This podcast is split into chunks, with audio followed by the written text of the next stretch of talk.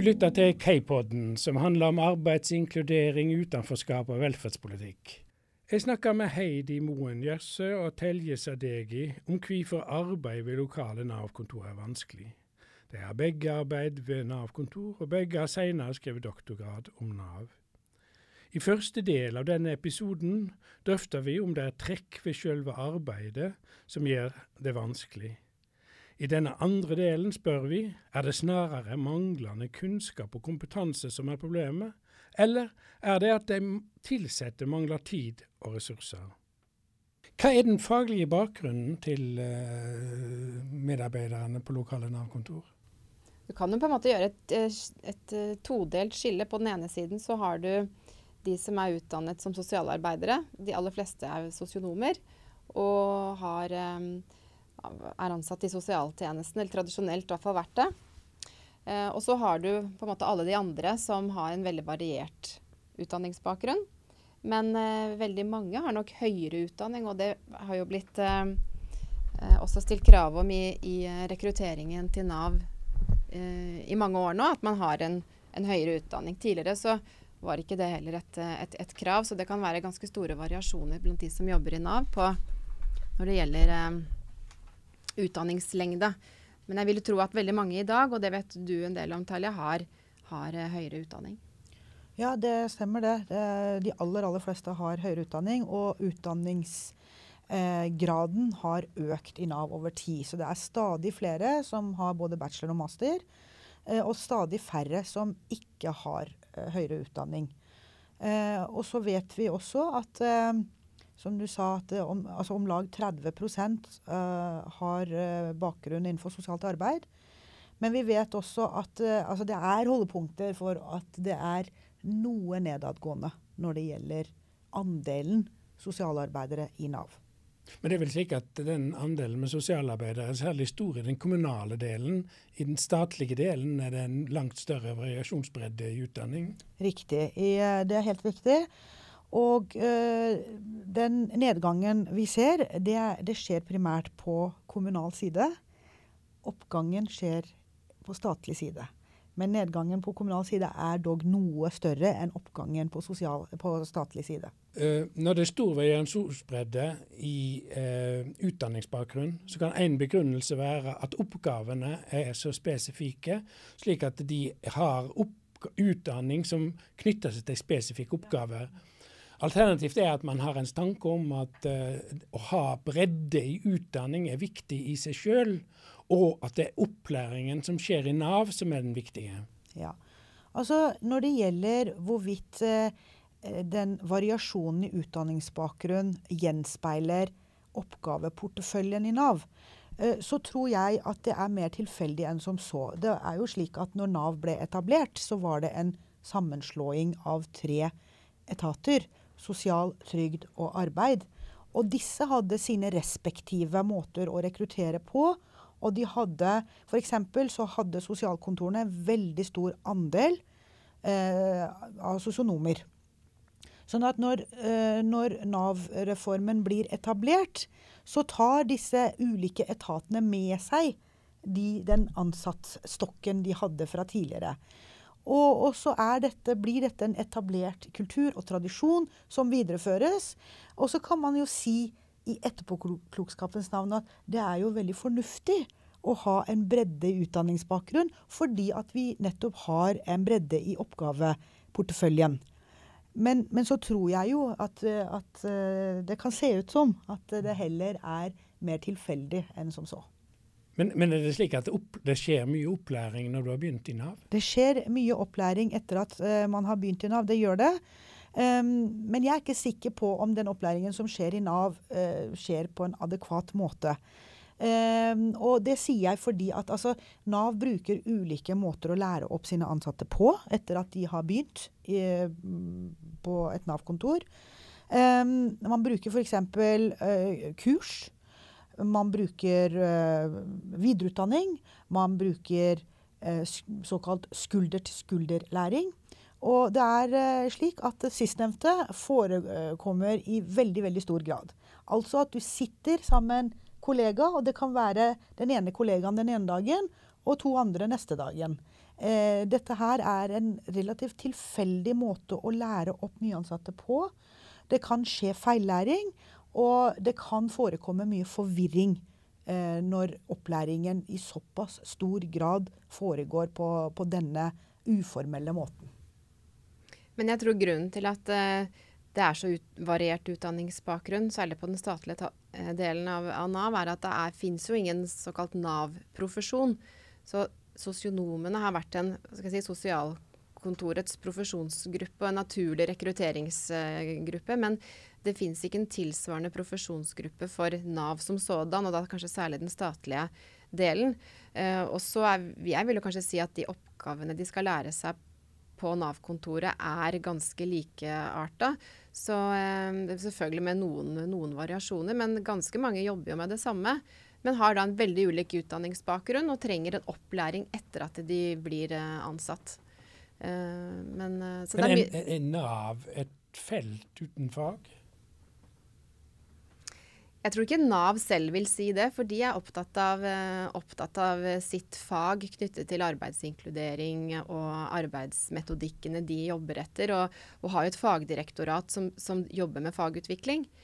Men innenfor akademia så finnes det ikke et, eh, et fag som, som, sosialt arbeid f.eks. Det er jo ett av fagene, men så er jo, det korresponderer ikke nødvendigvis med hvordan Nav selv ser på sitt fag. Så der er det nok noen skiller mellom byråkrati og akademia. Vi har jo tidligere i denne episoden snakket om, eh, eller jeg har vært inne på, eh, dette med at kunnskapsbasen er eh, svakt utviklet når det gjelder hvordan vi skal hjelpe mennesker ut i arbeidslivet. Og det har jo implikasjoner. altså Det får betydning også for utdanningene. For hva skal vi formidle til studentene i utdanningene, f.eks. i sosialt arbeid, når vi har såpass svakt utviklet kunnskapsgrunnlag? Hvordan, hvordan, skal vi utdanne disse personene til å ta på seg oppgavene der ute i felten, når vi ikke selv vet hvordan vi skal få folk ut i arbeid? Hva slags plass har eh, de som driver sosionomutdanning, hva slags plass har Nav i sosionomutdanninga? Det har en, eh, tradisjonelt en, en, plass gjennom eh, sosialtjenesten, sosialtjenesteloven. Eh, forholdet mellom hjelp og kontroll i offentlige tjenester har alltid vært en viktig del av sosionomutdanningen. Så har dette med arbeidsinkludering, som er mer knyttet til, eh, til Nav i dag, kommet inn som læringsutbytter i sosionomutdanningen eh, nå fra bare et par år tilbake i de nasjonale rammeplanene. Så, så det, det, er noe dagens sosionomer som blir utdannet i dag, skal kunne noe om arbeidsinkludering. Men det er opp til lærestedene hva slags kunnskap og, og, og, og pensum man, man legger inn i, for å oppnå det læringsutbyttet. Er det slik at de som har sosialarbeiderutdanning som bakgrunn, har særlig gode forutsetninger for å drive dette arbeidet? På en måte kan man si det, fordi arbeidsinkludering i stor grad også handler om relasjonsarbeid. Det er det jo mange som understreker. At det handler om å, å skape relasjoner til arbeidsgivere. For det er eh, individuelle prosesser, det å få innplass på en, på, en arbeidsplass. Eh, og de, de, um, ferdighetene, den kompetansen, har jo sosiale arbeidere. Det å drive relasjonsbygging. Men, men, men, men, tradisjonelt det å jobbe med arbeidsgivere har ikke hatt noe no, no sterk plass i sosialarbeiderutdanningen. Så det er ikke nødvendigvis noe sosialarbeidere identifiserer seg med. Men hvis du tenker på det som en type relasjonsarbeid, så er det nok lettere å, å se at det er en del av sosialt arbeid. Da. Vet vi noe om sosialarbeidere gjør arbeidet på andre måter bedre eller på andre måter enn andre? Vet vi noe om effekten av sosialarbeiderutdanningen i, på studiet? Ja, altså Først så vil jeg bare si at eh, man hører jo veldig ofte denne antagelsen om at eh, sosialarbeiderutdanningen består av de og de elementene, den og den type pensum og de og de læringsutbyttene, og dermed så kan de dette. Eh, og så tenker jeg at det, det er ikke det, det, er ikke nødvendigvis én-til-én-forhold mellom det som er læringsutbyttende og pensum og innhold i en gitt utdanning, og det eh, kandidatene kommer ut med. Det er ikke én-til-én-forhold. Så den antagelsen vil jeg utfordre. Um, så jeg tenker at vi må se på forskning. Altså vi må empirisk undersøke om, uh, om sosialarbeideren um, har andre kompetanseformer og, og, faktisk gjør jobben på en annen måte og opplever selv kvaliteten på sitt eget arbeid eh, likt eller annerledes. Det må empirisk undersøkes. Det, er det studert? Det, det, har jeg eh, gjort i min avhandling. Og eh, jeg har ikke klart å finne forskjeller mellom sosialarbeidere og personer i Nav som har annen utdanningsbakgrunn. Altså ansatte med annen utdanningsbakgrunn. Eh, og så er jo det selvfølgelig ikke fasitsvar med to streker under. Eh, det kan selvsagt være noen forskjeller der som ikke jeg har, eh, ikke jeg har plukket opp. Men, men eh, det er også slik at Eh, at eh, tidligere forskning, også uten, utenfor mitt doktorgradsarbeid, har ikke klart å etablere at sosialarbeidere er vesensforskjellige fra sine kollegaer. Ja. Og så er det veldig lite effektforskning. Når du spør om effektforskning, så er det lite effektstudert. effekt, altså dette her med å være sosialarbeider kontra å ikke være det. Um, og det er jo gode effektstudier som kan gi et godt svar på spørsmålet ditt. Så det er også mangelfullt uh, utviklet. Sånne uh, yrkesroller som vi snakker om som jobber i Nav, det blir på fagspråket ofte kalt for bakkebyråkrater eller street level bureaucrats. Og i forskningslitteraturen der så blir det lagt tung vekt på at det er nærmest en grunnleggende forestilling om at disse lever i et konstant press mellom oppgavene på den ene sida og mangel på tid og ressurser på den andre sida. Er det slik i Nav også? Den uh, litteraturen du nevner der, altså Street Level Bureaucracy, ble utformet i USA, i en amerikansk kontekst. Eh, så det er jo en litt annen kontekst enn det norske. Eh, det er klart at eh, det er alltid knapphet på ressurser i offentlige tjenester. Og det er det jo også i Norge, da. Men det fins nok store, store, variasjoner. Jeg var på en konferanse nå nettopp hvor det var et innlegg fra en som hadde forsket på tilsvarende tjeneste i Irland. Og der, det, der hadde, kunne saksbehandlerne ha opptil 500 uh, saker per uh, saksbehandler, altså ansvar for 500 brukeres uh, oppfølgingsbehov. Um, og da kan man jo begynne å snakke om at, om at ressursene er knappe, at man ikke kan strekke til. Og så ille tror jeg ikke det står til i Nav i Norge. Ressursene er knappe på Nav-kontorene. det viser survey-studier som vi har gjort. Samtidig noe som kanskje bakkebyråkratiteorien ikke har tatt inn over seg, er jo at knappe ressurser kan til en viss grad avhjelpes med at man opplever å ha medbestemmelse i sin jobb. Altså en frihet til å utføre jobben slik man selv mener er riktig. Og det å ha støtte fra ledere og og eh, kolleger. At det kan oppveie noen av de uheldige virkningene av å ha stor arbeidsbelastning, som jo mange veiledere opplever. Det vet vi jo fra survey-studier. Eh, slik at eh, det er knappe ressurser, og det gjør jobben mer krevende. Men med god støtte og selvbestemmelse så, så kan noe av det motvirkes.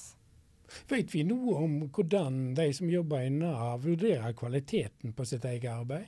Ja, vi har jo gjort en uh, studie som ser på det. Og um, veldig mange vurderer kvaliteten på eget arbeid som god.